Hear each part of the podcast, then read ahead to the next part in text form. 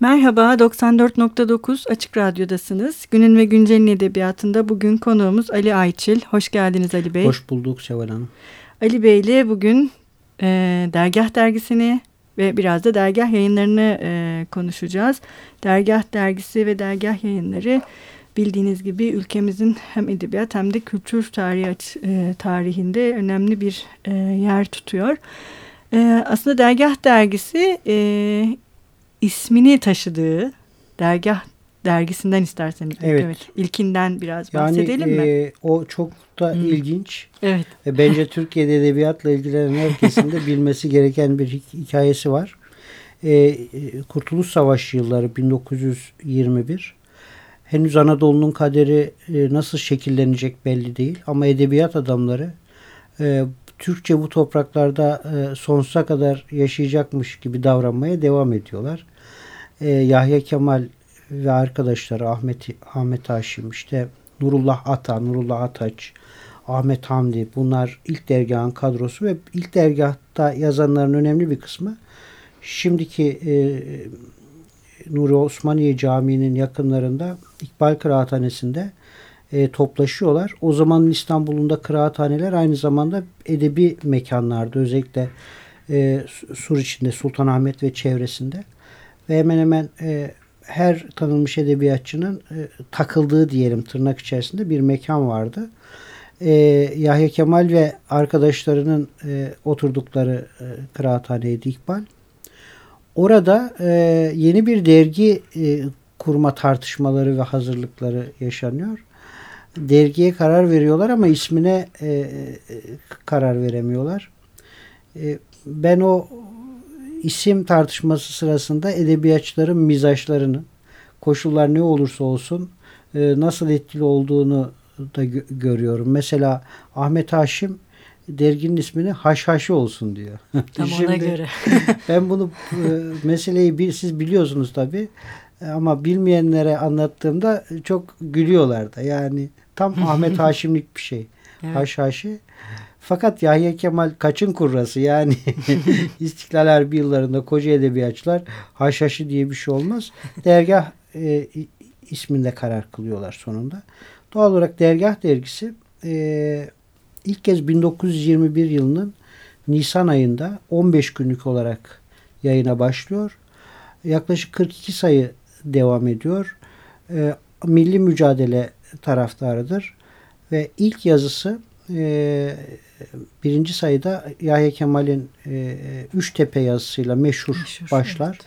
Ve bu edebiyatın sezgiciliğini gösteren artık Osmanlı düzeninden Anadolu düzenine geçmeye başladığımızı ve edebiyatın e, milli çerçevede devam edeceğini işaret eden bir yazı e, yazının içeriğine çok girmeyeyim ama e, kısa bir yakın dönem edebiyat tarihçesi de verir yaz. Yani tanzimatçıların bugünkü Çamlıca Tepesi'yle e, hı hı. bir anlamda Temsil. simgeleştirir.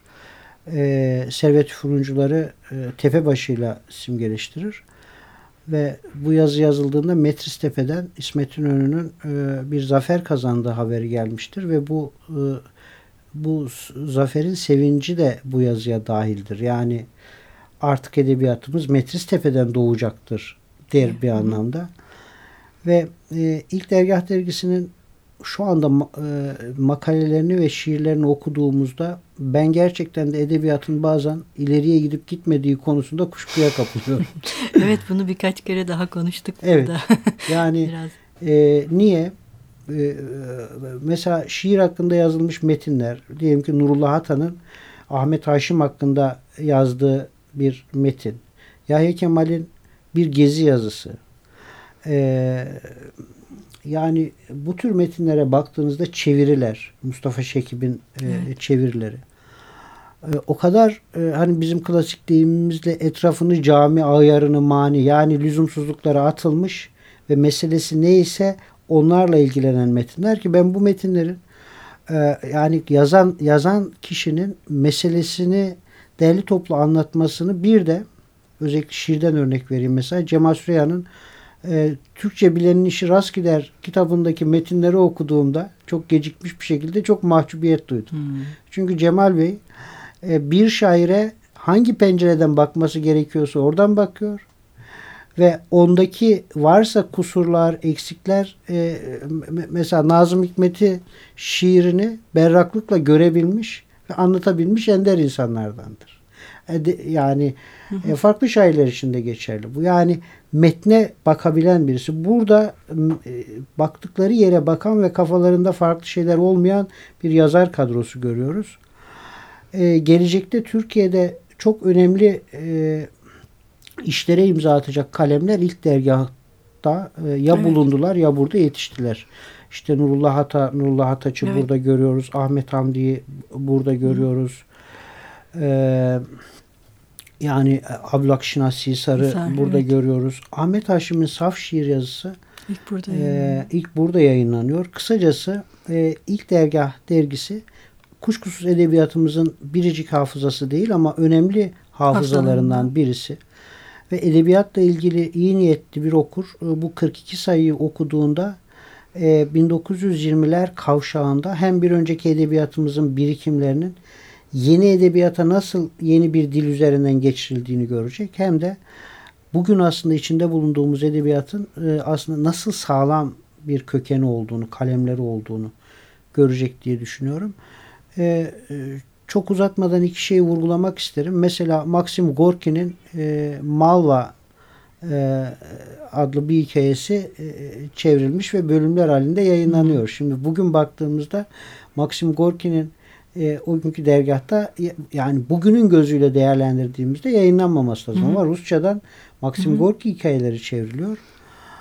E, ve e, felsefeye, Balkan coğrafyasına, e, açık. Aynı zamanda Batı sanatına açık. Mesela Rodin heykeli üzerine evet. bir iki sayı e, yazılar vardır.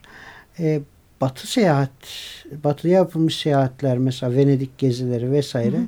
Kısacası e, ayağını Türkiye'ye koyan ama e, Rusya'dan Batı'ya birinci sınıf bir, bir pergel e, gibi. Evet, dolaşan bir dergiydi.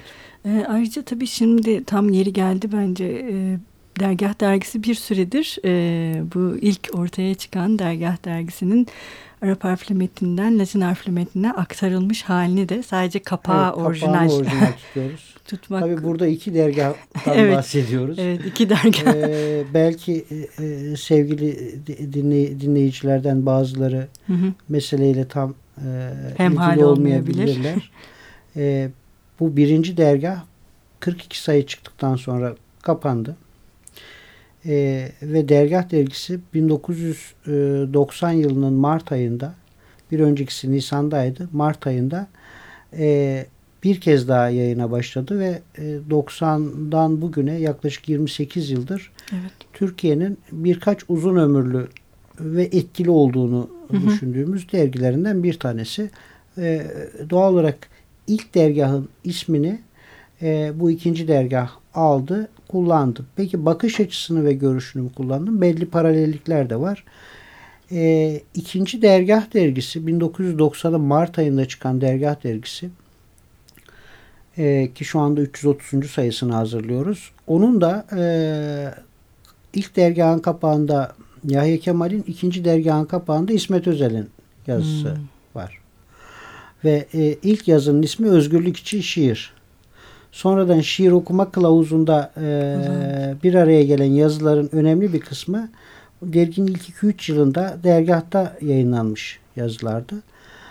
Ve baktığımızda ikinci dergahın kadrosu da e, kendi döneminde Türkiye'de çıktığı dönemde edebiyat e, camiasında iyi kötü tanınan isimlerden oluşuyordu. Yani hikayeci Mustafa Kutlu bu işin içerisindeydi. E, düşünce e, dünyasından da diyebiliriz. Ama yakın tarihte çalışan İsmail Kara bu işin içerisindeydi ve İsmet Özel. Bunlar aslında bir üçlüydü merkezde ya da öyle gözüküyordu. Ama e, o dönemde bir şey çıkarıyorlar, böyle bir davetiye çıkarıyorlar. E, biz işte aşağıdaki yazarlar, sanatçılar e, Türkiye'de e, bir edebiyat dergisi çıkarmaya karar verdik ve amacımız edebiyatın niteliğini artırmak. E, Cünçen Bey, Cünçen Tanrı Korur var. Cem Behar gibi müzik adamları var ilk sayılarda yazan. E, ve ikinci dergahın e, bilmiyorum siz soru sormadan ben çok direkt Yo, gayet gidiyorum güzel, ama gayet güzel. ikinci dergahın da e, Türkiye'nin edebiyat e, edebiyat dünyasına 90'lardan itibaren bir canlılık kazandırdığını söyleyebiliriz. Yani e, pek çok e, şair yetişti burada. Hikayeci yetişti. Evet mesela biraz onlardan bahsedebiliriz. Yani çünkü eskiden dergilerden yetişmek diye bir şey vardı. Yani tabii bugün bu evet. ne, bunun bugün ne kadar olabileceği hani tartışılır. O da bir tartışma konusu. Şimdi hani bilmiyorum yani e, hani bir e, e, böyle bir atasözü vardı ama yanlış söyleyebilirim. Serçe yavrusu kuzgun mu gözüküyor böyle bir şey. evet. şey. Şimdi dergah dergisi e, radyoda televizyon gibi değil. Biz böyle şu anda dergiyi e, insanlara gösteremeyiz ama gerçekten biçim olarak güzel bir dergi. Evet. Hı hı. Yani bu dergi Almanya'da herhangi bir kitapçının rafında, Fransa'da ya da Amerika'da rastlasanız bunun bir edebiyat dergisi olduğunu edebiyatla ilgiliyseniz e, anlayabilirsiniz. Yani format olarak evet. da şeye kendini çok belirten edebiyat. Yani dergisi. sade ama Hı-hı. itici değil. E, sıcak kendine göre boyutları olan bir dergi. E, ve kapaktan bir dergi. Kapaktan dergiden kastım e, pek çok e, dinleyicilerimizin bildiği böyle e, kuşe kağıtlı ayrıca bir kapağı Hı-hı. olan bir dergi değil. Dergi birinci sayfasından başlıyor, başlıyor zaten. Evet. Doğal olarak Dergah Dergisi'nin kapağı kurulduğu günden beri e, edebiyatçılar için adeta bir vitrin oldu. Yani dergahın kapağına çıkmak diye bir şey var vardı.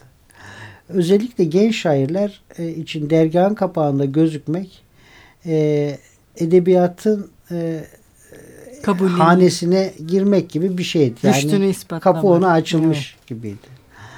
E, dergah dergisinin 28 yılda hiç yaşlanmadı diyemem ama az yaşlanmasının sebebi henüz hiç ürünü yayınlanmamış ya da çok az ürün yayınlatmış e, bir kısım insanların şiirlerini, hikayelerini, denemelerini e, hemen kapaktan yayınlayıp onlara zar atması oldu.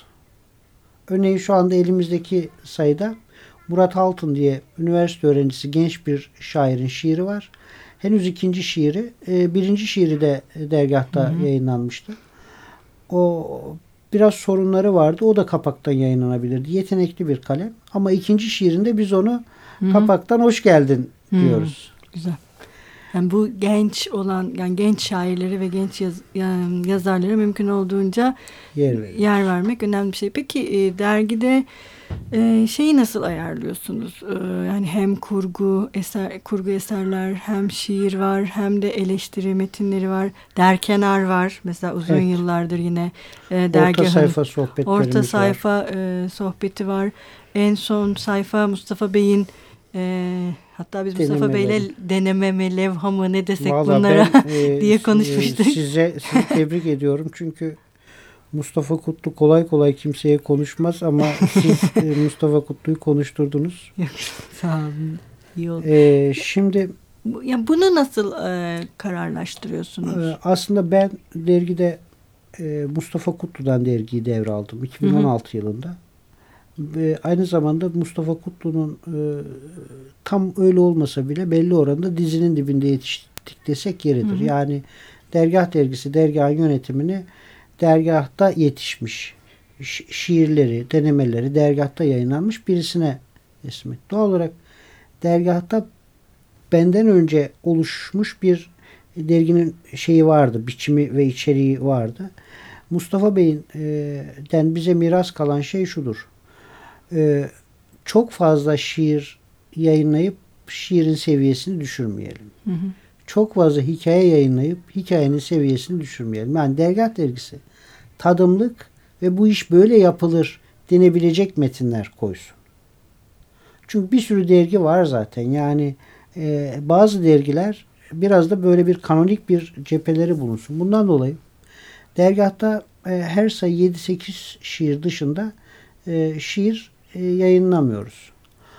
E, iki ya da üç hikaye dışında hikaye yayınlamıyoruz. Yani biz gelen metinler içerisinden süzüyor, süzüyor, süzüyor ve yayınlanabilecek e, tabi burada edebiyatta bakış açıları da önemli. Yani e, beğenmediğimiz, seçmediğimiz herhangi bir metnin başka yerlerde yayınlandığını, hatta bazen takdir gördüğünü de görüyoruz. E, yani kendimizi de sorguladığımız oluyor, göremediğimiz. Ama genel olarak e, siz de edebiyatın içindesiniz. E, bir metne çok farklı edebi kanallardan gelmiş insanlar bile bu fena değil diyebiliyorlar. Bu evet, güzel diyebiliyorlar. Yani ortak bir karar, ortak evet, yani, bir pay, birleşim oluyor yani. Bu yani meçhul bir karar mekanizmamız var.